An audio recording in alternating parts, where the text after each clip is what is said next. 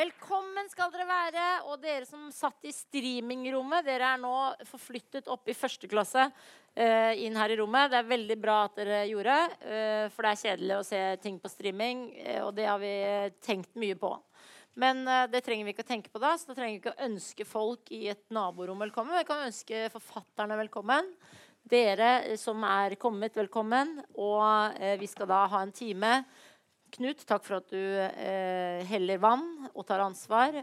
Siden du er størst kjendis, Ja, så er det veldig bra. ikke sant? for at Hvis jeg ikke gjør dette her, så vil folk tro at å, ja, han er for fin på det nå til Ja. å helle vann til andre. Det er nettopp det. Det sånn, ja, bare noen år i NRK, og så Og så går det eh, i huet på han. Men eh, Så det er veldig koselig eh, at dere har kommet. Vi skal da holde en alvorlig samtale om humor. Det blir dødskjedelig, akkurat sånn som eh, det pleier å være når man skal snakke om morsomme ting. Og vi legger oss flate på forhånd hvis det er sånn at dere så for dere noe annet. Men litteratursamtaler kan jo være morsomme av og til. Har dere opplevd det noen gang? Ja. Nina har når- Når jeg selv er på scenen, så er det veldig gøy. Det er veldig bra. Ja. Eh, har dere grudd dere til å komme til Bergen og um, snakke? Ja, grudd og grudd, men det er jo gjerne sånn at forfattere gjerne er mer komiske enn de er morsomme når de skriver. da. Ja. Og Det er det jeg er litt eh, engstelig for, å ende opp som en komisk figur. Men eh, bortsett fra det så går det helt fint.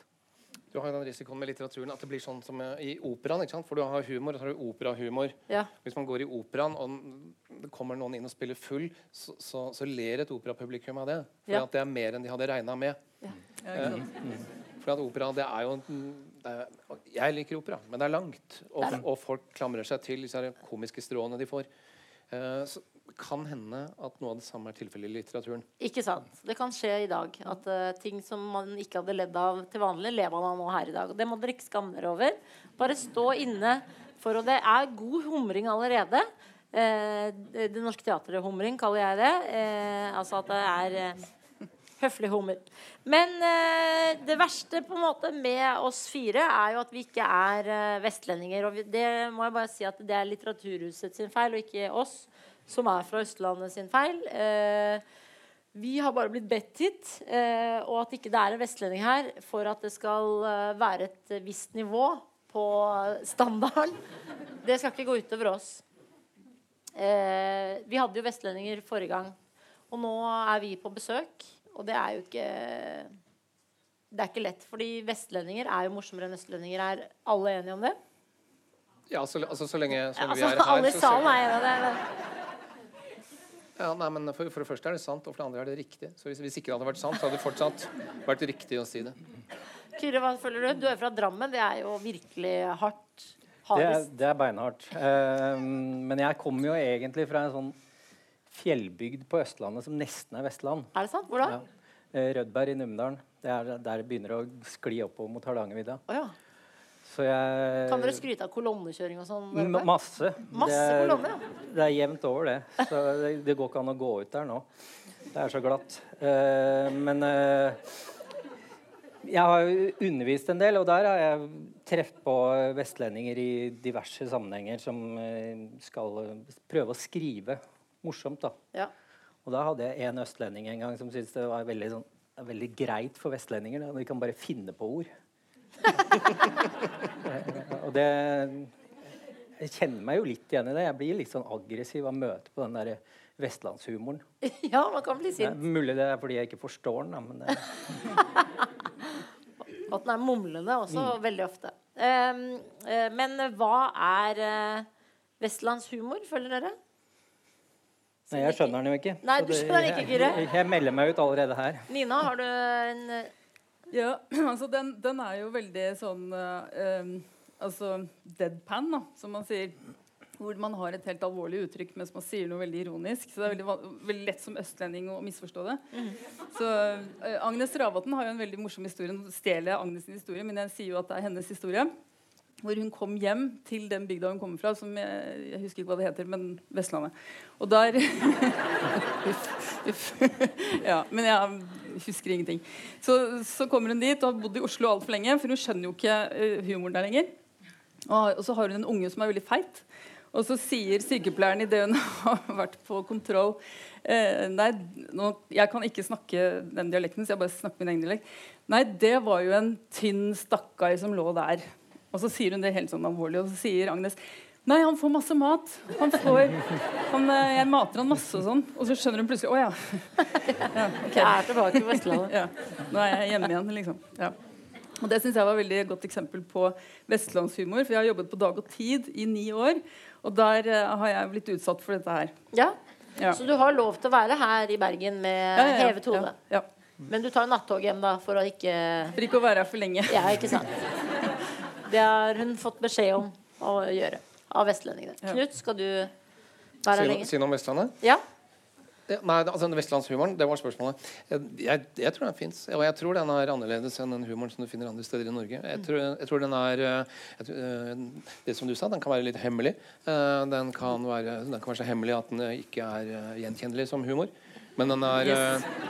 Nei, det, kan være, det, kan være, humor uh, for én, for sånn er det på Vestlandet. Folk bor i, på små steder. De bor på små steder. Uh, det er uh, trange, dype fjorder. Det er ikke så mye folk å være morsom for. Så hvis ikke du kan være morsom for deg sjæl Og da kan, da kan det hende at det holder å være morsom ja. for seg sjæl. Ja, ja, ja. Og, da, så, og humoren blir Den blir, den blir, den blir lumsk. Og, og innfugl og smart. Ja, det blir det. Ja. Og, og disse, altså det fins et helt kobbel av vestlandske forfattere som jeg, jeg tror de har en eh, forening, en klubb. Mange, mange, av dem er menn med rare hodeplagg. Ja, det er sant. Og skjerf i halsen. Men eh, jeg eh, vil jo si at dere skriver veldig morsomt, alle tre. Eh, gratulerer med det. Dere er veldig flinke. Og dere har jo Eh, alle romanene deres er sideveltere, hvis det heter det. Eh, som eh, man blar og blar og koser seg og ler og ler og ler. Eh, og i alvorets eh, tegn syns jeg jo eh, Ikke ofte med deg, Knut, men de andre. Nei, det er helt riktig. Det er mye fjas med meg. Ja, du går for fjas. Vi kan jo snakke litt om det. Eh, eh, fordi det er jo det språket dere bruker, som gjør at jeg leser dere Leser dere, da. Det raser igjennom. Tenker dere mye på språket? Når eh, altså det morsomme språket, det lette språket. Er det lov å si at dere bruker lett språk? Eller er det sårende? Nei, ikke for meg. Kyrre, er det sårende? Litt. Litt, ja. Ja, men bruker ikke lett språk, men dere bruker et språk som jeg, eh, le, jeg leser og leser og leser. Altså, det, det, er fint. Det er jeg, ikke, jeg, sovner ikke jeg sovner jo fort, for jeg har små barn, men uh, jeg klarer ikke å sovne så fort med ingen av deres bøker. Og jeg har derfor blitt uh, litt bimete nå i dag. Det beklager jeg. Men, uh, men ja. Hva slags språk tenker du at du bruker, Nina? Um, altså jeg skriver jo på en ny bok nå, og da skjønner jeg jo hvor vanskelig det er faktisk å skrive lett. Det vil jeg bare si. Fordi eh, jeg prøver, altså Når jeg skriver, så prøver jeg bare å få det til å henge sammen nedover siden, sånn at jeg selv har lyst til å lese det. Mm. Og eh, at ikke det skal liksom stoppe opp og bli sånne transportetapper, da, som jeg kaller det. Og, og, og sånn som jeg skriver, så, så, prøver jeg egentlig bare å skrive noe som jeg selv mener er sant. Mm. Um, og da skriver jeg veldig sånn nært og, og er kanskje veldig opprørt når jeg skriver. og sånn. Og jeg skriver mye dagbok, og da pleier jeg selvfølgelig å være opprørt når jeg skriver dagbok. Ellers er det ikke noe vits å skrive dagbok. Har du alltid skrevet dagbok? Ja, nesten alltid. Og, og, da skriver jeg som sagt når jeg er opprørt på en eller annen måte. Da? Sinna eller et eller annet. Og, så, eh, og da skriver jeg veldig, veldig ærlig. Og da syns jeg ikke det er noe morsomt i det hele tatt. Men etterpå, når jeg leser gjennom, da ler, jeg ofte så jeg griner da, av meg selv i den tilstanden. ikke sant? Ja. Det, det jeg... Hvor lang tid må det gå? Eh, du leser ikke dagen etter å lese du griner? Nei, kan, Det kan, bør jo ikke gå mer enn et par timer. altså. Er det sant? Ja, For da er jeg ute av den tilstanden. ikke sant? Og da kan jeg lese det jeg har skrevet i den tilstanden. Men der og da er det ikke noe morsomt. Det er ikke sånn at jeg sitter og ler mens jeg skriver. Jeg, sk jeg ler først lenge etterpå. Eller etterpå, da. Og det er sånn jeg skriver, har skrevet den boka der også. Og også de andre bøkene. Og det, og det jeg skriver nå også. Er det sånn da at du eh, Men du skriver først, og så skriver du dagbok etterpå? Nei, nei, nei. Altså, nei, det, nei, nei. Jeg mener bare at Du skriver helt sykt mye, da. Jeg skriver eh, Ja, jo, jo, jeg gjør det. Men, men, det jeg mener, er at jeg skriver dagbok. Og, og, det jeg skriver det Jeg begynner gjerne dagen med å skrive dagbok. Oi, gjør du det på morgenen? Uh, ja. Må jo gjøre Og da, og Er det da- vanlig? Er det, føler dere at dette er vanlig? Ikke i det hele tatt. Nei, det- Eh, Men det, er- det er for, for meg er det for å komme inn i det. da. Det er ikke fordi at, eh, at jeg opplever så mye interessant, eller noe sånt, men det er for å komme inn i skrivinga, og så får jeg fatt i et eller annet, og så fortsetter det. Og da, og da er det ofte sånn også at, eh, at det er noe jeg er opprørt over, eller noe jeg skildrer, eller en dialog, eller et eller annet sånt, og så er det først morsomt etterpå. da. Ikke der og Skriver du da for hånd i dagboka di? Nei. Nei, nei, nei. og dagbok på Jeg Mac-en? Ja, ja. Jeg, jeg har jo ikke hender til å drive og skrive for hånd. Hvem er det som har det? Det er Altså, det fins jo mm, folk der ute. seneskjeddbetennelse, tenker jeg da. Ja, det er sant. Så For det er nei, det er telefonen eller Mac-en. Ja. Mm. Så du eh, Det er interessant. Men eh, Kyrre, hva Mm. var spørsmålet? Om du skriver dagbok? Var det det? eh, ja, hvis det var det, så er svaret nei. Nei.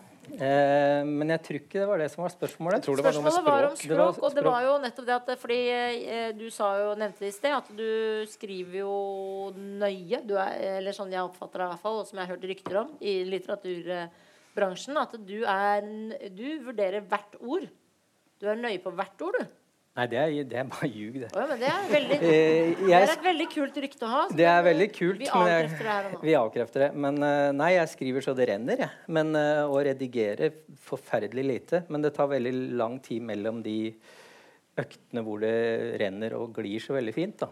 Men kan du ikke Ryktene går om at du sletter Du kan kaste store deler av Ja, ja, det, men det er jo sånn når du tror at du skriver bra, da. Når det flyter og renner av gårde, og så oppdager du etter 50 sider at nei, men dette her var jo ikke bra. Da må jo alt vekk igjen. Eh, men eh, Er dette vanlig? Ja. Er dette veldig vanlig? ja. Jeg vet ikke, Hva er det meste dere har kasta? 300 sider. 300 sider! Nei, Jeg kaster hele tiden, men jeg kaster aldri 300 sider i slengen. Har du kasta 300 sider i slengen? Ja, men den det er romanen som kom i 2006. Den ble lansert i 2003. Og så oppdaga jeg etter at de hadde lagd eh, katalogtekst og omslag og hånd, at dette her er jo bare sprøyt. Men redaktøren din sa det ikke var sprøyt. Nei. Men da hadde vel jeg litt mer innsikt enn redaktøren da, i hva slags bok jeg ønska å skrive. Eh, og det var ikke den boka, da. Da jeg, men da hadde jeg en sånn derre eh, katarsisopplevelse hvor jeg kjørte, tok en utskrift, kjørte til eh, Lindum gjenvinningsstasjon i Drammen og tømte ut all printen der. Og så dro jeg hjem og åpna et nytt dokument. Oi. Så det, det funka jo den dagen. Det funka jo ikke sånn resten av denne uka, så klart, men det, det var godt, godt der og da. Ja, Så du anbefaler folk å rense ting på den måten? Ja, det tror jeg er bra. Eller lage et nytt dokument hvor du kaller det dokumentet for søppel og putter alt der, og så begynner Ja. helt på et nytt sted, da.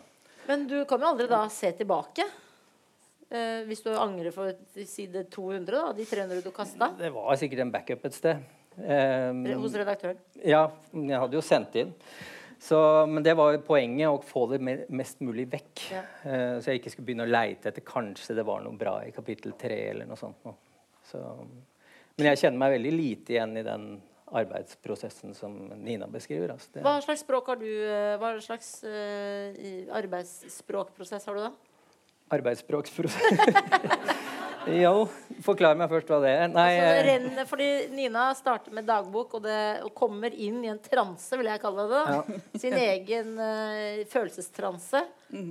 Har du transer? nei, men jeg tenkte mer på det der og Siden vi skal snakke om humor, da. Altså, jeg tror ikke jeg har ledd en eneste gang mens jeg har skrevet romanen. Nei. Altså, det er ikke sånn at «Ha, 'der var du god'. Eh, Men det er jo også fordi du er mann. Du må huske på at menn ler jo ikke Nei, Menn dulter jo hverandre i siden, og det er på en måte sånn er dere viser glede. Ja. Det, ja. Og det er jo derfor eh, alle er fornøyd med at det er kvinner som går på generelt eh, kulturting. Fordi Mm. kvinner ler høyt og kan vise følelser uten å Ja. måtte sitte lenge etterpå og si 'Å, jeg burde ikke ledd av det. Det burde jeg ikke gjort'. Ja. Eh, eh, så det, det er jo bare kjønnet ditt, tror jeg. Ja, ikke, jeg- jeg ikke tror at du er, det. For du er jo morsom i bøkene dine. Jo, men jeg har mer og mer skjønt at den boka er eh, litt mislykka, siden den var så alvorlig ment fra min side. Eh, at, Det er gøy. ellers så er jeg tydeligvis ekstremt naturlig morsom, for det, det var ikke meninga at det skulle være så morsomt som enkelte sier. Eh, Er det sant? ja, Så du er nesten litt skuffa når folk syns at boka di er morsom? Ja, var ikke noe mer. Men, der, men der tenker jeg vi er ved noe som kanskje kan bli en kjerne i dag, da. Ja. At eh, det er eh, Er det godt nok da, å skrive morsomt? Holder det? Det skal vi tilbake til. For Ja. Knut må også snakke om han, om han skriver dagbok. Nei.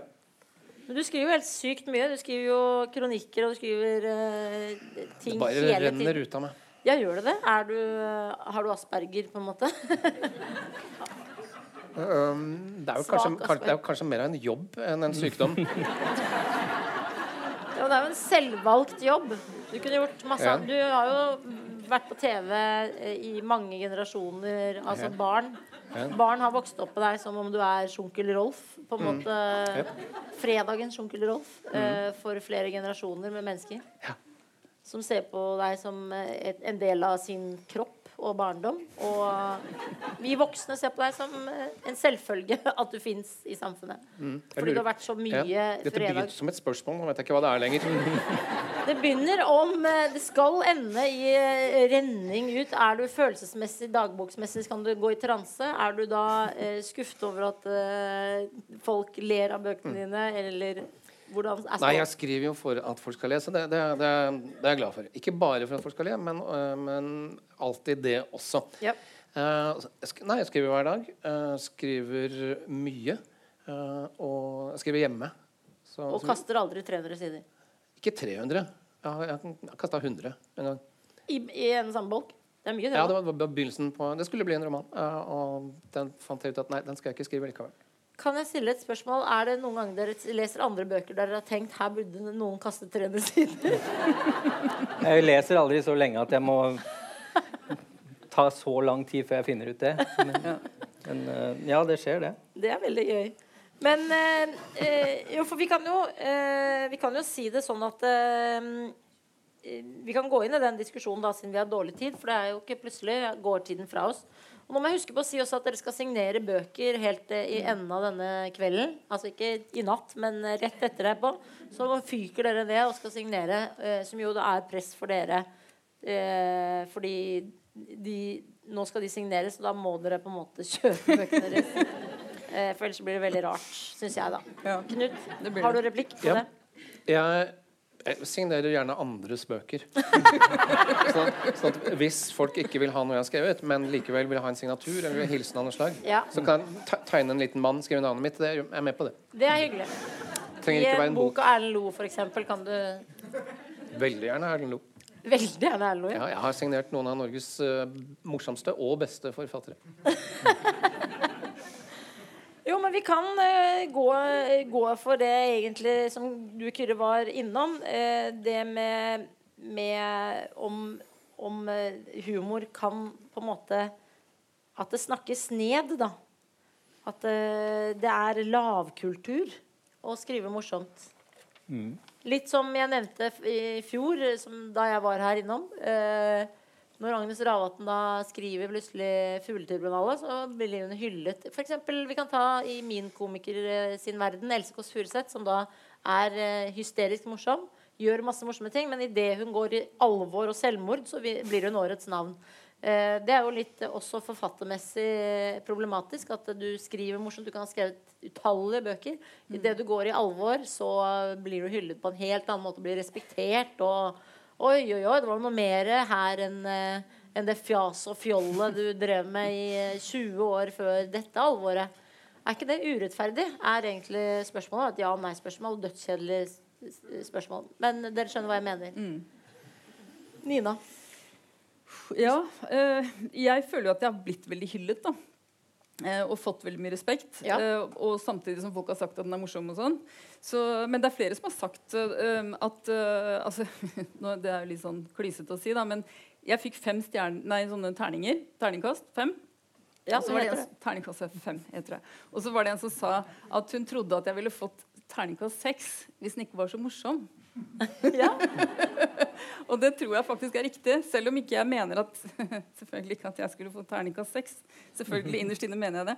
Men jeg vil ha det liksom med alle. Det vil jo alle ha. Veldig mange menn får jo ofte terningkast seks. Men får de det? Ja, flere menn enn kvinner, eh, hvis man hadde lagd en Ja. undersøkelse i litteraturen. Så er det det er veldig mulig ofte det er eh, Ja. Eh, men, eh, så, og det kan godt hende at det er, at det er noe der. Fordi at, eh, eh, og jeg leser jo andre anmeldelser hvor, hvor anmeldelsen i seg selv skulle tilsi terningkast seks, men, men hvor, det, hvor, det, er et eller annet som har trukket ned. Og da er det gjerne det at det er humor i, i det. da. Det, det, er det jeg syns jeg har sett. Og det Ja, er det sånn?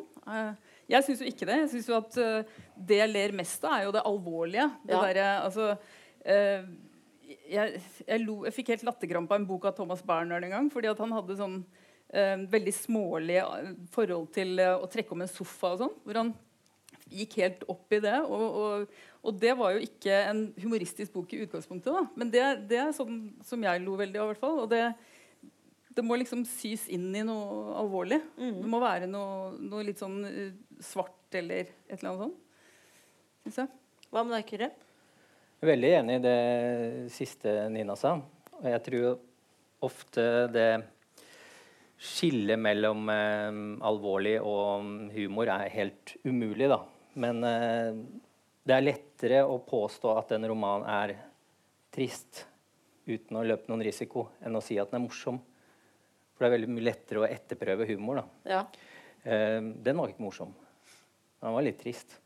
Altså, det, det, er mye, mye, enklere sti å trekke opp. Og jeg syns jo det var veldig skummelt, da, fordi den forrige boka mi den kalte vi en svart komedie på baksida.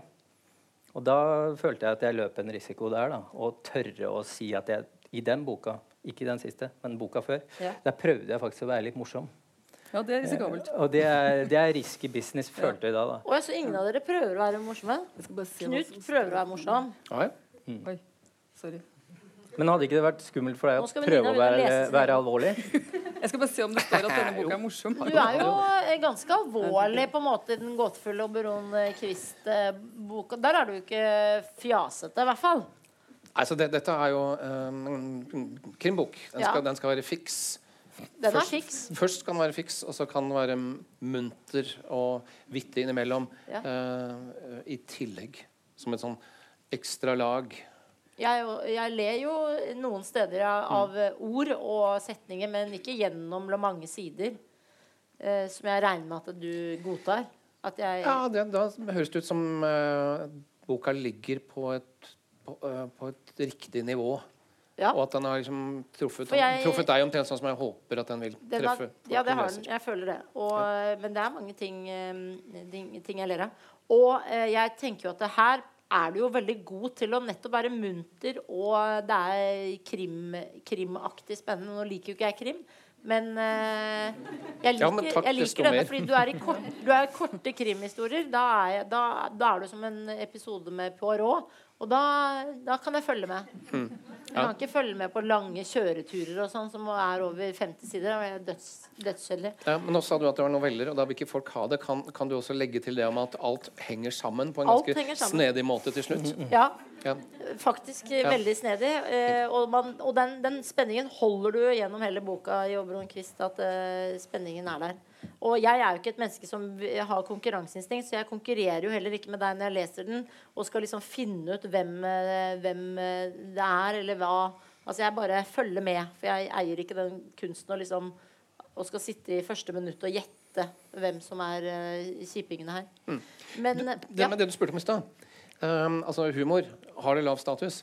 Uh, og det har det jo. Mm -hmm. For det finnes et sånt der helvete i, i, i boka, uh, på, på, på bokfeltet ja. hvor ingen vil være, og det er humorhylla. For det er, det, det, er, ikke noen ting som er så trist som synet av humorhylla. Og, og, jeg har, jeg har, og, jeg har, sett mine egne bøker der. Jeg har ikke lyst til at de skal stå der. Være, altså, de kunne vært blant kokebøker, men ikke humorhylla.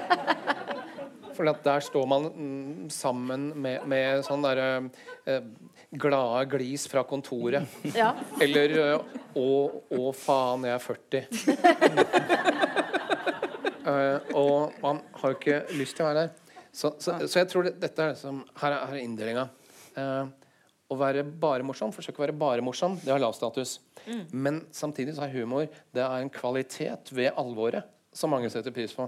At det som er, at det som er alvorlig, ikke er helt svart, helt grått hele veien, men at det, er, at det sprekker opp innimellom. Ja, Og det er jo Jeg føler i hvert fall med Kyrre og, og Nina Dere er jo Dere skriver jo om veldig tragiske ting.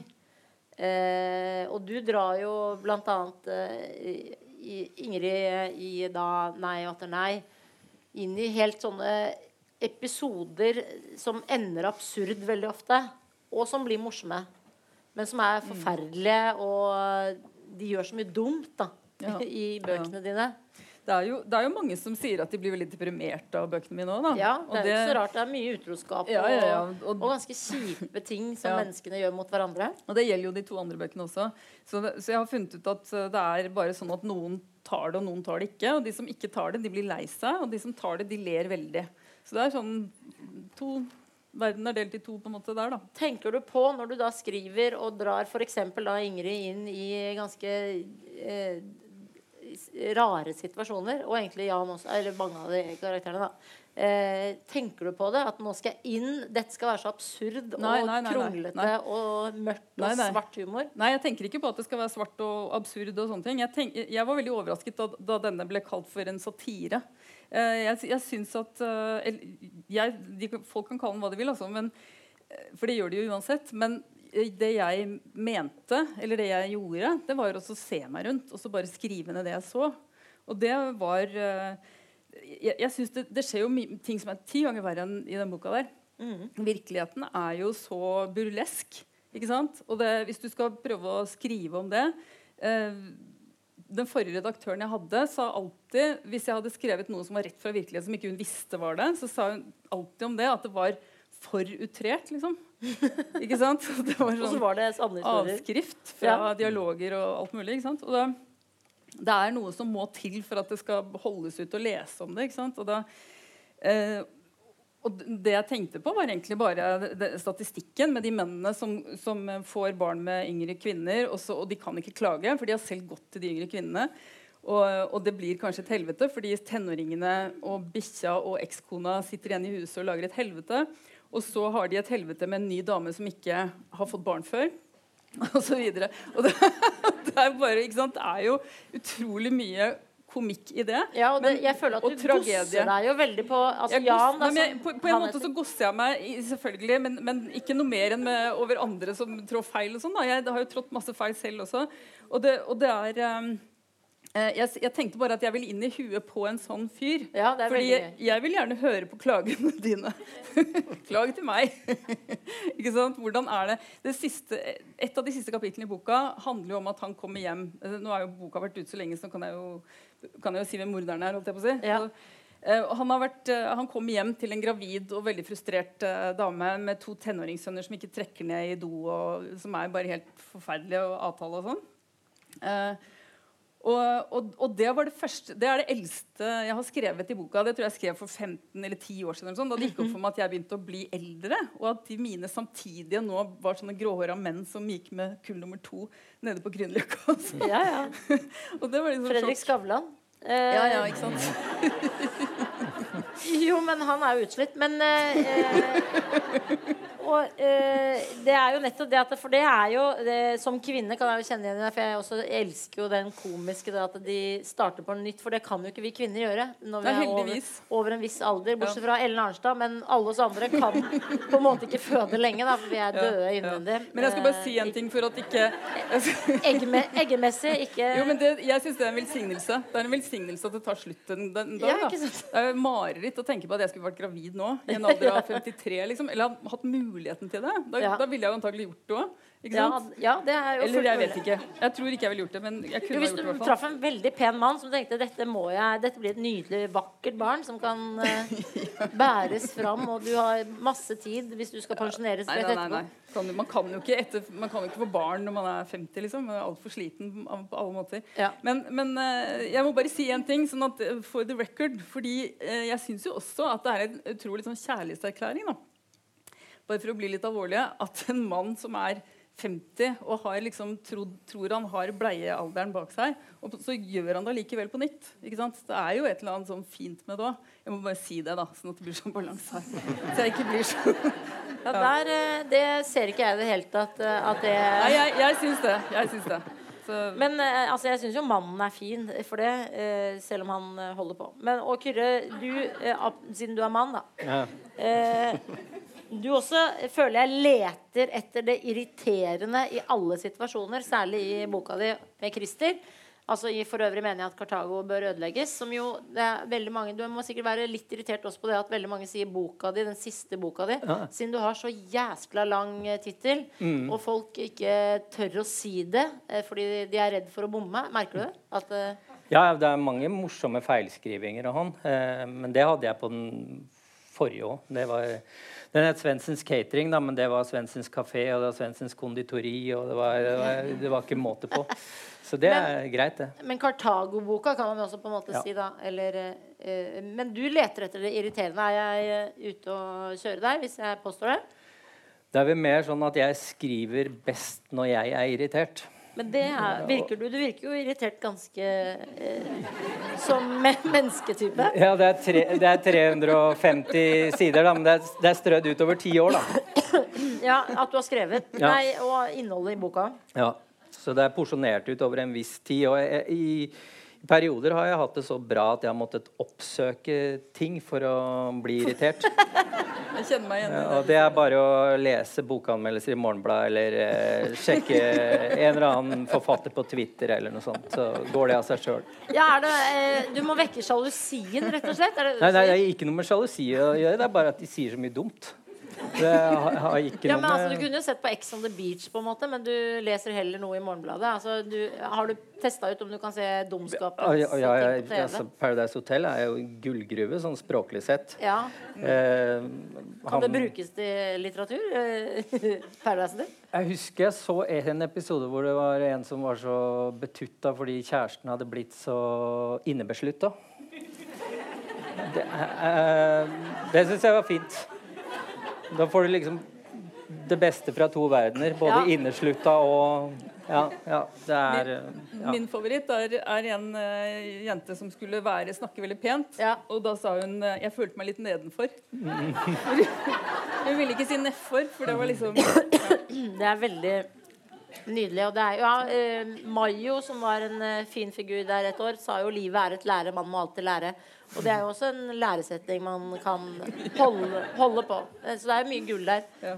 Eh, og eh, ugler i mosen, ulver i uh, Altså, de har jo mye gøy, gøy der. Men uh, språkmessig da, så virker det ikke som du henter det fra Perra. Jeg føler at du henter det da ja, mer opp i nivå. Ja, det veit jeg ikke. Men altså, utgangspunktet her er jo at det er en fyr som står med ryggen mot veggen og han føler han har mista ganske mye. Og så er det jo en forventning til eh, gjerne skjønnlitterære hovedpersoner at de skal ha en sånn sympatisk side, eller de skal ha en forferdelig mor som gjør at det kan forklare alt det dumme de gjør. Men jeg ville ikke utstyre en med noe sånt noe, da. Jeg ville ikke forsvare en på den måten. Jeg skulle stille meg bak den når jeg skrev det, og være i det. Men eh, han har grunner til å være forbanna, og det er ikke noen grunn til at han skal vise fram de der smørblide sidene sine. Uh, og det er vel det som er motoren i den romanen. Da.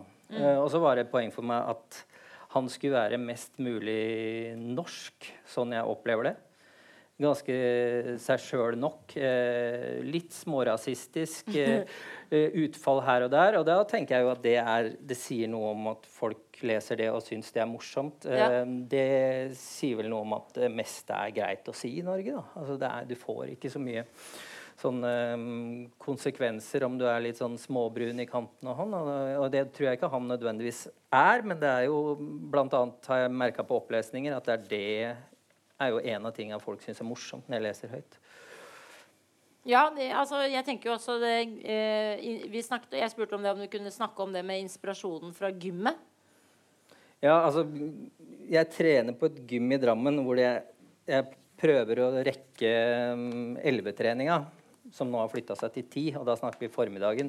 Ja. Så jeg må stå opp tidlig for å skrive. eh, og jeg mm, har nok litt vondt i skrivevilja innimellom og stikker ned der bare for å få trent med A-laget, som de kaller seg. Hvor mange er de?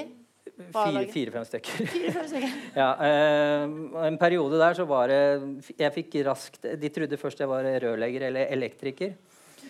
Eh, sikkert kroppsfasongen eller noe, ikke veit jeg. Eh, men da skjønte de etter hvert hva jeg dreiv med, og da gikk jeg over til å bli kunstneren, eventuelt forfatteren eller kontoristen. Og så hver gang jeg kom innom, så var det Er du skrivesperre nå? Eller er boka ferdig nå? Og så fant jeg ut at de tre som maser mest, de skal jeg skrive inn i boka. Og det gjorde jeg. Altså, det er Storlien. Han sa etterpå at han syntes det var dårlig gjort at han ikke fikk mer plass. og så er det Moyeren, som er eh, Christer Larsens mentor i kjærlighetslivet. Eh, han slutta å trene der etterpå. Og så er det Nilsen, som nå er i den nye ordboka, Naob, eh, på nett, som et eksempel på ruslebiff. Og det tok han ille opp, da. Ja. Eh, men jeg ble ble ikke banka? Nei, det hadde ikke gått. Men eh, jeg ble invitert på boklunsj på jobben hans. Så det var ikke verre enn at han god, godtok den. Hvor jobber han? Drammen IKT, så han var lett gjenkjennbar. Spesielt når eksvogeren min tok og kopierte opp de sidene hvor han figurerte og delte ut til alle i Drammen IKT. Det er ikke noen sånn søster som tar hevn med bok, da?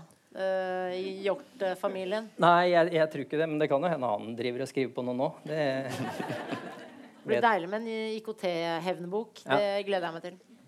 IKT-språket er jo så levende. Men uh, Knut, føler du at du skal uh, ha, Var spørsmålene mine noe Ja, du irriterer deg jo over folk du regner med.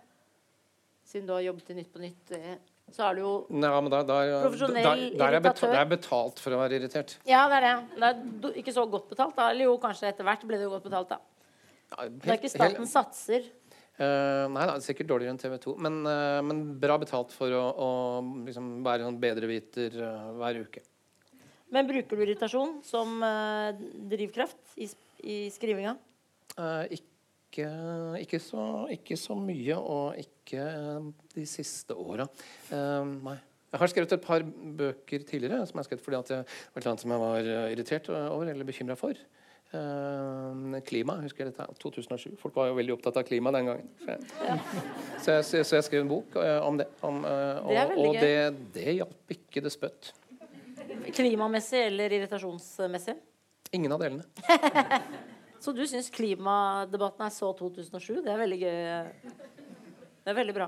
Eh, du er ferdig med det, rett og slett? Ja, nå jeg tenkte jeg skal liksom bare skal, skal bare eh, flyte på en sånn eh, bølge av mild avsky herfra og inn.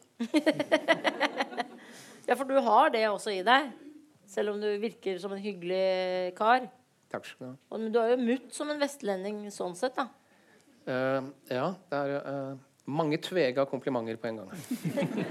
Vi diskuterte det i sted. Vi snakket om hvem som er mest vestlending av eh, en østlending Mm. i eh, Kjendis-Norge, eller egentlig eh, Forfatter-Norge. da. Ja. Og da stemte jo i hvert fall jeg og Nina for at det er deg. Uh, som er mest vestlending øst, østlendingsmessig. Men uh, Ja, altså, jeg vet ikke om det, du kan det, stå inne for det. det er jo veldig hyggelig, og, og selv om det er ikke det er jo ikke all verdens verdt heller og når det kommer fra, eh, fra en østlending. Eh, men, jeg kan, men, men jeg kan fortelle deg hvorfor det er feil. Ja, få høre. Det er fordi at uh, har da blitt brukt som eksempel på uh, den østlandske kulturens elendighet i en bok av Kjartan Fløgstad. hvor han skriver at i, han skriver at i framtida så vil Marienlyst på altså NRK sitt hovedkvarter i Oslo det vil ha vært, blitt gjort om til fengsel. Og eh, en av torturmetodene som benyttes der, er at vitsene til Jon Almaas, Lind Skåber Knut Nærum blir pumpa inn gjennom høyttalere i hver celle. Eh, og jeg har jo truffet Kjartan Fløgstad, og jeg, jeg vet ikke om han vet at jeg har lest det. Eh, men jeg velger å tro at han ikke bryr seg. Nei. Eh, Men, men, jeg, liker for, ja, men jeg liker fortsatt Kjartan Fløgstad. Og ikke bare det, men jeg skjønner hva han mente. Jeg kan fortelle en anekdote som ikke har noen ting med dette å gjøre. Men Kjartan Fløgstad har jo da eh, spist middag hjemme hos oss i, da vi var små. Fordi pappa var i eh, vennegjengen Eller han var forleggeren hans tror jeg før de ble uvenner. Men eh, eh, da var han innom. Og Kjartan Fløgstad er jo en vestlending som eh, eh, satt, Han satt helt stille. Vi hadde en sånn gåte. Eh, noe som, en annen eh, professor, da, musikkprofessor Jon Roar Bjørkvold kaller for arm post-historie. Der du får en historie, så skal du gjette hva som har skjedd, og du gjette bortover, og bortover. Og så satt Kjartan Fløgstad helt stille gjennom hele, og alle rundt bordet var jo i hvert fall 12-15 stykker rundt bordet. da. Uh, gjettet og gjettet. Det var uh, enorm glede i rommet. Og jeg var da ca. åtte, og søsteren min var tolv. Uh, søsteren min ble mer og mer rasende på Kjartan Fløgstad, som bare satt helt stille uten å si noe. Det var en livlig diskusjon, og alle gjettet og hadde det ekstremt gøy. Uh, og så sier til slutt søsteren min, da, som er en veldig sånn besserwisser-jente, med sånn stram munn 'Hvorfor sier du ingenting, Kjartan?' Og det er på en måte Når du er et barn på tolv år og skjeller ut Kjartan Fløgstad, blir veldig stille i rommet. Så bare ser Kjartan Fløgstad på søsteren min, den tolv år gamle søsteren, og så sier han løsningen på gåten. Bare sånn rett ut. Han har bare sittet og uh, jobba med den inni, inni seg. Og det Etter det uh, hadde vi ikke flere middagsselskaper. Men uh, I hvert fall ikke med Kjartan. Men det er Så det er sant, du er ikke vestlending sånn sett. Nei, nei, jeg jobber ikke med ting inni meg. Nei. Det er bra. Jeg eh, syns vi skal lese, eh, selv om det kan være vanskelig for folk. Men det er krevd av Litteraturhus. Eh, folk elsker at folk leser, eh, og vi gjør også det. Så vi skal ikke være dårligere enn enn folk flest sier. Eh, og jeg har bedt eh, da alle lese fra hverandre, bortsett fra Kyrre, som er vanskelig å ha med å gjøre. Så han vil lese noe annet. Han vil ikke engang lese. Og det er lov, fordi det er bra at du er såpass trygg i deg selv at du ikke gjør ting du Bli utrygga? Ja. Mm. Det er lurt. Ja, men det er veldig lurt. Så har man det heller mye hyggeligere. Men uh, hvem vil begynne å lese først? Bortsett fra Kyrre? Ja, Nina vil lese. Nina skal lese da Skal lese Knut Nærums uh, og Ø Æ. Ja. Uh, det heter Pukkelryggen, og det er et utdrag. Harry Hole sto ved vinduet på det lille sydvendte kontoret på politihuset og så ned mot Bjørvika der den omstridte Barcode-rekken av høyhus var i ferd med å reise seg. Innunder, innunder Ekebergåsen holdt bygningsarbeiderne på å ferdigstille senketunnelen, som var den første i sitt slag i Norge, og besto av seks deler, hver av dem 112 meter lang. De var støpt i en dokk utenfor Bergen og hadde deretter blitt slept til havnebassenget i Oslo, der de hadde blitt senket ned i en grøft som lå lavere enn sjøbunnen, for deretter å bli koblet sammen. Men Harry ofret ikke noe av dette en tanke. Noen hadde tatt stiftemaskinen hans og ikke levert den tilbake. Typisk Kripos. De unnet ikke voldsavsnittet å ha sin egen stiftemaskin. Som om det ikke var nok, gikk en seriemorder løs der ute. En som allerede hadde myrdet én gang, og nå fryktet alle at det kunne skje igjen. Man måtte stanse seriemorderne før de kom skikkelig i gang. På FBI-akademiet i Quantico, Virginia, hadde Harry lært at å myrde er som å spise peanøtter. Det er vanskelig å stanse med bare én. Harry hadde fått klar beskjed av politisjefen, som hadde fått en streng oppfordring av politidirektøren, som hadde blitt innkalt til justisministeren etter at VG hadde hatt en skarp lederartikkel om voldsavsnittets oppklaringsrate. Det var Harrys hode som lå på blokken, og akkurat nå var hodet dessuten fullt av uro. Angsten romsterte rundt i hjernen som en rumener i en søppelkasse. Harry kjente etter i lommene. I den ene hadde han mobiltelefonen som han kunne bruke for å ringe hjem til sin tidligere samboer Rakel og fortelle henne at han elsket henne, og at han var lei for det med Laila. Han hadde drukket for, han hadde drukket for mye, det var ikke tvil om det. I edru tilstand ville han ikke latt det gå så langt mellom seg og familiens sjefer. I ettertid innså Nå skjønte jeg det. I ettertid i ettertid innså han at det hadde vært bedre om han hadde smurt inn sine egne kjønnsorganer med leverpostei og fått Laila til å slikke dem i stedet for omvendt. I den andre lomma i den andre lomma hadde han en lerke full av whisky. Han var tørst. Heldigvis hadde sjefen for voldsavsnittet ingen kvaler med å la en bråsint alkoholiker som aldri fulgte ordre, og ofte satte både eget og kollegers liv på spill, få ansvar for alle de største mordsakene. Det ante ham at han i løpet av få døgn ville stå ansikt til ansikt med en morder uten ansikt. Han håpet at han som vanlig kom til å løse saken gjennom å dra fra sted til sted og bli slått ned bakfra. Avisene var besatt av saken. De hadde allerede gitt morderen et kallenavn. De kalte ham Pukkeldyggen. Ingen visste om han hadde pukkel, eller i så fall hvor mange. Men på åstedet hadde han etterlatt seg kamelhår. Eller dromedarhår. Pukkelryggen, for et lusent navn. Typisk avisene. Faen, det var noe som fikk han til å tenke ufullstendige setninger. Han, på lerke, han kjente på lerken i jakkelomma. Han hørte dyret knurre. Dyret som aldri ville la ham være i fred. Som alltid fulgte ham. Han snudde seg. Hysj, sa han til dyret. Laila sluttet å knurre og la ørene bakover. Ligg der, sa Harry, så skal du snart få leverpostei. Det der er Kan ta en applaus, da.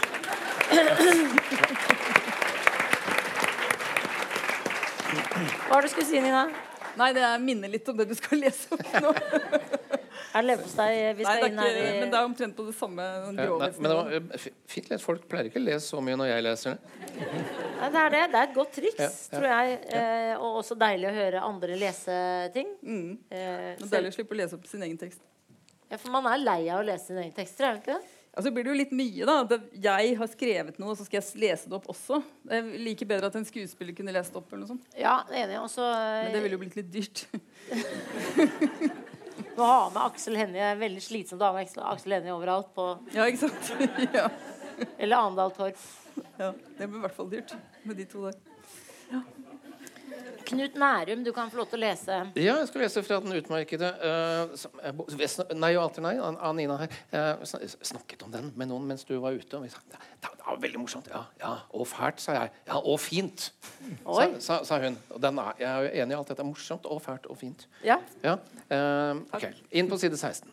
Hvorfor, tenkte Ingrid når hun våknet hver natt i halv to-tiden og sjelden fikk sove igjen før langt utpå morgenkvisten. Våken nok til å gruble, men for trett til alt annet lå hun der mens natten ble opplyst og tom, uten gjemmesteder, og på denne tiden trengte ett bestemt minne seg på. I mange år hadde hun og Jan kjørt guttene opp til fotballbanen på Ekeberg. Og ikke bare kjørt dem opp dit, men syklene deres også. Og som om ikke dette var nok, Ingrid knep igjen øynene for å verge seg mot det klare og tydelige minnet om henne selv som bærer guttenes sykler inn i bilen, en Volkswagen Caravelle, mens guttene sitter i bilen og stirrer ned i telefonene sine. Der går hun, svett og utkjørt og middelaldrende, og løfter syklene deres inn i karavellen, mens det sitter to store hannmennesker i bilen og venter på at hun skal bli ferdig. De to hannmenneskene hun hadde frembrakt, var nå høyere enn henne. De raget over henne, men de var ute av stand til å tørke seg selv i baken. Underbuksene deres hadde striper av avføring som Ingrid sprayet med flekkfjerner og kokte i vaskemaskinen. Hun skiftet med andre ord bleie på dem ennå. De kunne snakke for seg og argumentere. De kunne følge med på den lille aksjeporteføljen sin. For nå hadde Martin fått seg jobb på åpent bakeri og begynt å investere, han også. Men det var umulig å se dem for seg møte virkelige utfordringer, utholde kjedsomhet, utholde smerte. Ingrid skulle ønske det fremdeles var tvungen verneplikt.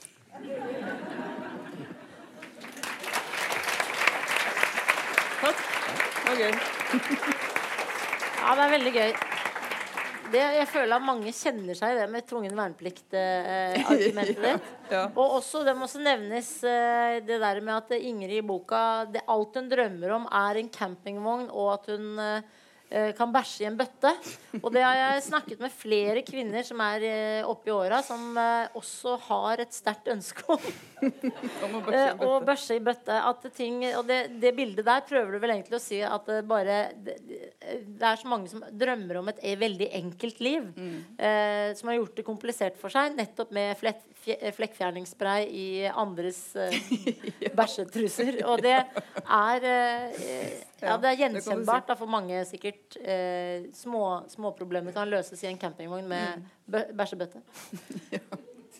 Kyrre, vil du uh, fortelle om eh, Jeg kan fortelle om noe. Nei da, jeg tenkte jo jeg skulle finne noe som øh, viste fram humoren i norsk litteratur? samtidslitteratur. For Ja. det var jo en påstand her at den er dyster og traurig og trist. Ja. Uh, og jeg er jo egentlig enig i det.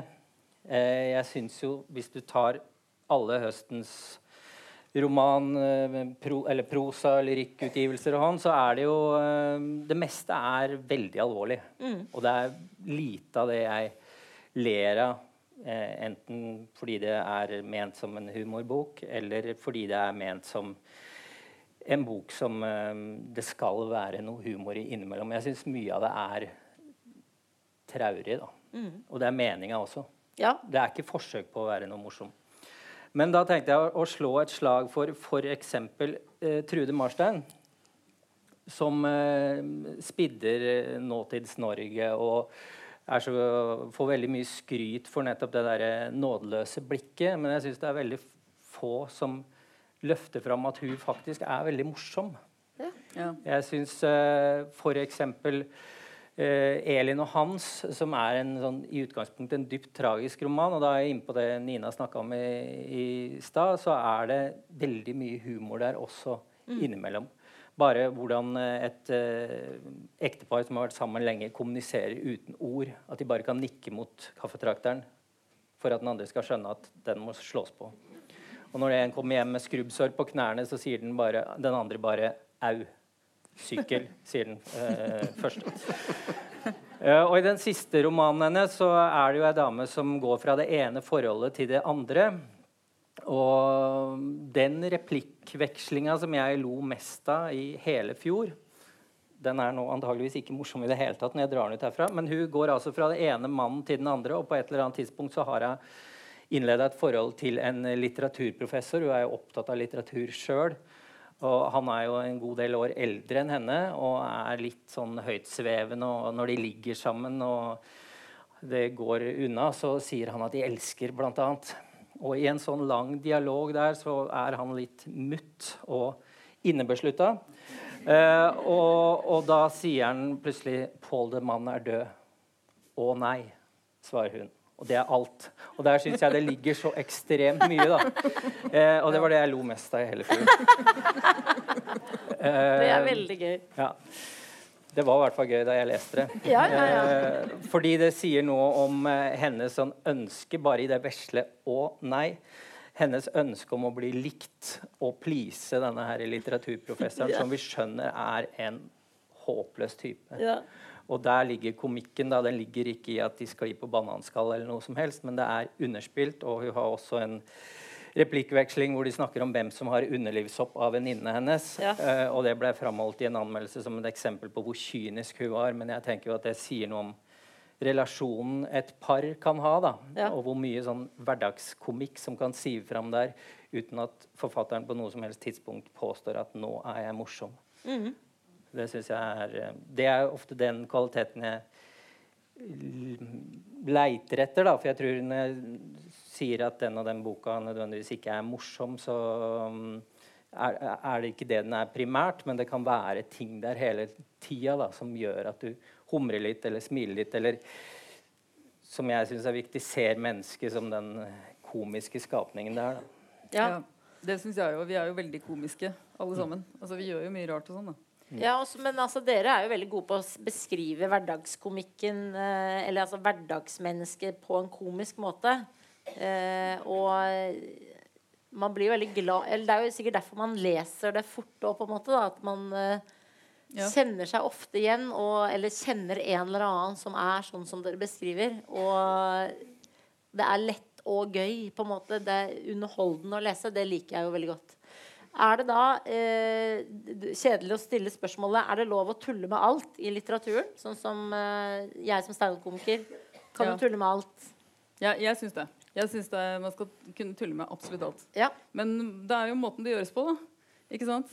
Uh, men altså, tulle blir jo også det samme fordi at jeg uh, har ikke forsøkt å være morsom, egentlig. Jeg har egentlig satt kanskje ting litt på spissen, og sånn, men uh, når jeg skriver, så prøver jeg å komme inn i tankene til folk. ikke sant? Og det og de er jo morsomme, fordi de settes jo på spissen. for de er helt eh, Trude Marstein eh, sin bok, ja, da jeg leste intervjuer og sånn, at hun ville også inn i tankene til denne Monica. ikke sant? Mm.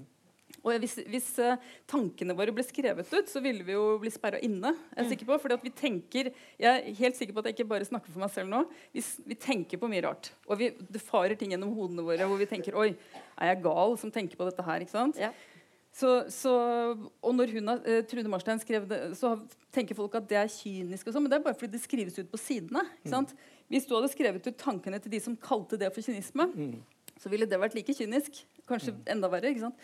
Så det er, eh, det er, det jeg er ute etter. Å få tak i den tankestrømmen. Og mm. den kan jo ofte være veldig komisk. fordi som, som sagt, altså, jeg liker, jeg elsker bøker som er, hvor, som er skrevet i et slags raseri. ikke? Hvor det er veldig sånn mye sånn uh, kanskje sånn nedre følelser i sving med misunnelse og sjalusi og sånne ting som ikke egentlig tåler dagens lys. da. Nå husker jeg ikke hvor jeg var på vei.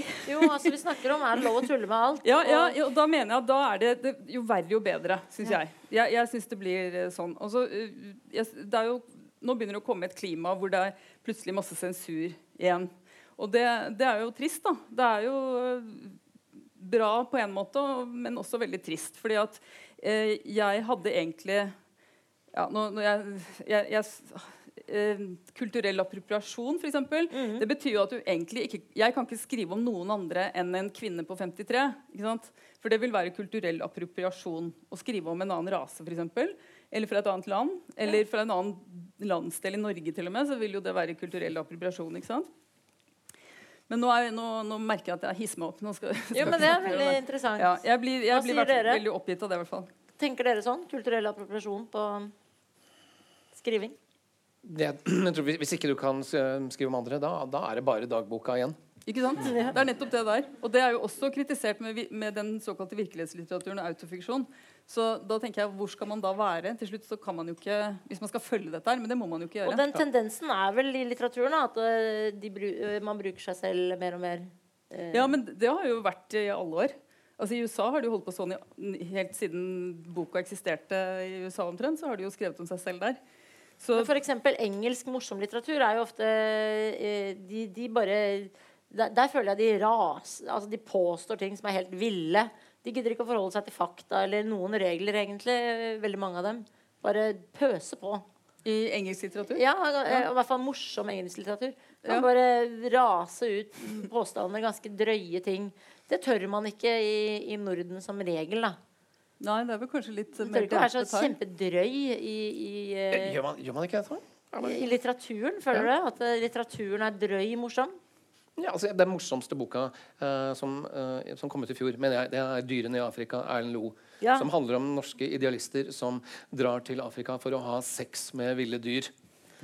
Men ja, det er jeg enig i. Det er veldig, det er veldig Som, drøyt, faktisk. det, ikke bare det, men de, men de gjør det de, de, som protest mot hva vi gjør med kloden. Men Erlend Loe er jo en, uh, De skal, en de skal, god stim de skal vekke, de skal vekke verden ved å ha sex med dyr. Ja, og han har jo gitt ut barneboka 'Rumpemelk fra Afrika'. Så han har jo en, eh, en god periode nå med drøye, grove eh, ting, da. Som jo er ekstra gøy for oss som liker grove og drøye ting. Vil, altså, barna mine roper etter mer rumpemelkebøker. Eh, eh, 'Rumpemelk fra Afrika'-bøker er jo generelt en god tittel, og også en gøyal historie. Og verden trenger mer rumpemelk fra Afrika. eh, bøker, eh, ikke bare for barn, men for voksne da, også Erlend Loe da, som tar hensyn til voksne og lager grov bok eh, med dyresex. Jeg tror, jeg tror han tuller med alt unntatt Muhammed. For han uh, fins ikke morsom. Det er jeg enig i. Sammen Det med er ikke noe, gøy med, ikke noe finansmeglere. gøy med Muhammed. Mohammed og finansmeglere er ikke morsomme å tulle med. Men eh, jeg, de kan også bli fort krenka. Og er et tørt yrke, sånn som Mohammed hadde. Men uh, kan man tulle med alt? Ja. Så drøyt som man bare kan. Kan man lage en, uh, en morsom bok om Anders Behring Breivik på Utøya f.eks.? Den, den vil jo komme, men, men det kommer til å ta Kanskje det tar 50 år. Ja. Men noen kommer til å skrive boka om en eller annen sånn uh, gutteromsfantast med eh, kontakter i fascistmiljøet som, som dreper folk. Hva som driver ham. Hvor, eh, hvor villedet denne, denne personen er. Dette, dette vil komme. Mm. Men, eh, men jeg, har ikke, jeg har ikke lyst til å lese den Nei, nå, det er for tidlig. Men Chaplin lagde jo diktatoren før annen verdenskrig. ja, og det kan man tenke på, egentlig, at vi eh, ikke tør nå. Ja, Det er kanskje Eh. dårlig sammenligning, men allikevel. Det er jo Eller Nei, det er ganske sånn Ja, altså, det, altså hi- histori. Historien gjentar så er, så er jo eh, hele tiden så Sånn sett så vet man at man skal tilbake til eh, til det drøye. Men eh, nå er vi jo altså, Sånn humormessig mener jeg at vi ligger litt eh, dårlig an når, når eh, improteater er det folk flest vil se på. Det er jo det minst skumle man kan Ja, Der hvor de får en Oppleve. oppgave, og så skal de gjøre noe. ja, være Ja. Men, Mm. Men sånn sett er litteraturen også på vei eh, et eller annet sted dit. Mot, uh, med å ta hensyn til generasjonen prestasjon, da, som eh, på en måte har vokst opp med at ingen skal mobbes. Jeg tror ikke vi har kommet dit ennå. Det er ikke engang sikkert at vi kommer dit. Men når det gjelder det med hvorfor ungdommen søker til impro, jeg har en teori om det. Ja. Og, den, har, den begynner med, egentlig med dette. Jeg tror ikke humor er særlig populært. Jeg, jeg, jeg tror ikke folk egentlig vil, Vil vil nei, nei, men altså, Hvis du ser hva er som er populært, så er det, det, er, det er gamle dager, og så er det inderlighet og, og ekthet. Ja. Historien fra virkeligheten. Og så er det sånn eh, hvordan eh, søsterklokkene og, og krigsseilere altså ting, Og Jan Guillou skriver om 1900-tallet. Ting som har vært. Ja. Altså så skal man være oppriktig. Dette er jo det som, som, som publikum eh, vil ha. Og, og dette er også derfor det som blir omtalt. En annen av de morsomste bøkene som kom ut i fjor, eh, eh, 'Du og jeg og Vito' av Bjarte Arneson, anmeldt i én norsk avis. Stavanger Aftenblad. Ja. Så det, han gikk helt under radaren. eh, Ingen fikk det med Ja, seg. ikke sant? Han er en av de morsomste folka som skriver i Norge. Ja. Kyrre, hva føler du? Om det siste, eller eh, om det Bjarte o- o- men, eh, opprinnelige spørsmålet om man kan tulle med alt? Ja. Jeg tror jo det, men jeg tror også at man skal ha en god grunn. Da. Altså sånn Nå skriver jo Du har jo skrevet mange sjangere. Men det, det er én ting å skrive en bok som uh, man ønsker skal være morsom, eller så er det å prøve å skrive en alvorlig uh, roman som jeg trodde jeg hadde skrevet. uh, men da tenker jeg at jeg skal ha veldig god grunn. da. Det skal være um, sannsynliggjort gjennom en hovedperson og gjennom en handling. Og, altså, at hvis jeg skal ta i noe drøyt og Det er ikke noe grunn for meg til å bare være drøy for drøyhetens skyld. da. Eller bryte tabuer eller tulle med alt. Jeg må ha et utgangspunkt for å gjøre det. Eh, det vil aldri være poeng for meg å skrive en bok for at nå skal jeg, nå skal jeg virkelig tulle med de greiene der. Er det litt typisk norsk å tenke sånn? At eh, For vi er jo nettopp ikke sant, eh, best i det mørke og svarte. Vi er jo ikke Ja. kjappiser. Sånn som da engelsk litteratur eh, Eller morsom engelsk litteratur vil jeg på en måte definere som kjapt og vrøvlete. Mm. Hvem, hvem tenker du på da? Nei, Caitlin Moran for eksempel er jo gøyal Ja, ja. når hun bare måker på. Liksom, altså, påstår ting om kvinner og menn og samfunn som ikke eh, stemmer. Det er jo det jeg liker. Jeg liker jo overdrivelser, for eksempel, og at jeg syns jo det derre faktabaserte at, at man som forfatter må på en måte føle at noe må være fakta, liker jeg ikke. Jeg vil at eh, folk skal være villere i litteraturen. Ja, påstå ting som ikke stemmer, og være galere. Jeg vil at du, de, deres personer kan være enda kjipere og galere. Og, okay. jeg, skal ta, jeg holder på med fjerdeboka nå. Men det er problemet med en, eh, hvis du har en gal hovedperson på første side, så er det egentlig ikke noe spennende, for da kan den gjøre alt. ja, Altså, så da noe kjeder du deg når du skriver? Ja, ja, noe av greia med å skrive er jo at du må lage en ramme for deg sjøl. Altså, Innenfor dette universet så kan det skje og det skje. Men han kan ikke begynne å, han kan ikke skjære av huet på naboen på neste side. Eh, Det hadde jo vært gøy. det er mulig det hadde vært gøy, men jeg tror hvis du hadde gått gjennom engelsk litteratur, og det er helt sikkert eh, flere eksempler der enn i Norge på en sånn type vill, eh, nesten litt sånn slapstick-aktig mm, type romaner, så tror jeg nok også alvoret dominerer der, da. Ja. Men, men altså, det kan også ligge i språket. Altså, Ja humoren kan jo, Du trenger ikke å skjære av huet av noen. Eller, det er jo ikke noe morsomt, det. Men ikke Det utgangspunktet. kan det, være Det er, det er mye måten crazy. det gjøres på. Ja, ja, ikke sant. ja.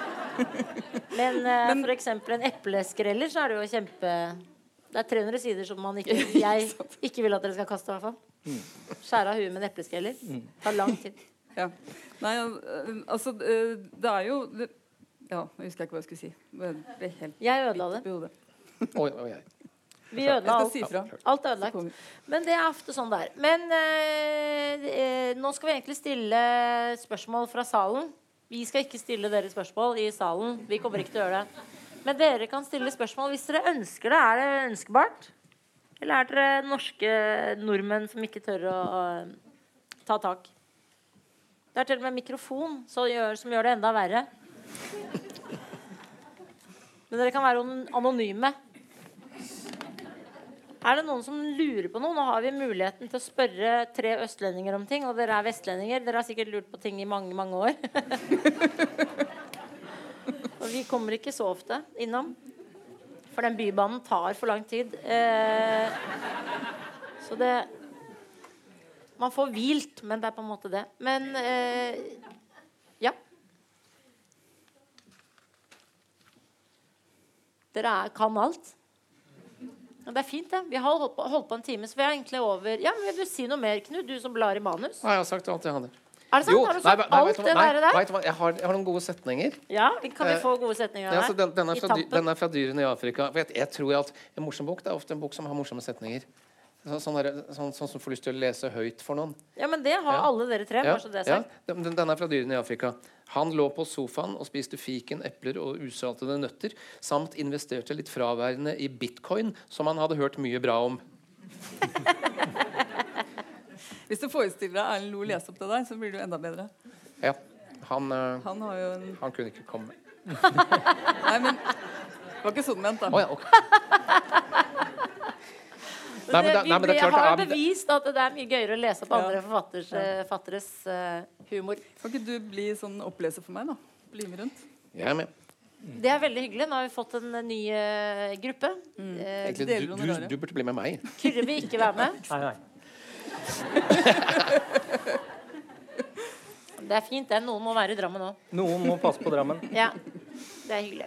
Eh, tusen takk for at dere kom. Eh, håper dere har hatt en hyggelig eh, kveld. Jeg har hatt det veldig gøy. Jeg er jo ikke noe eh, intervjuer, så jeg eh, har ikke forberedt meg sånn sett. Men jeg har bare tenkt at vi skulle snakke sammen og ha det artig. Jeg har hatt det veldig artig da. Så partisk-messig vil jeg si at dette var en knallkveld for meg.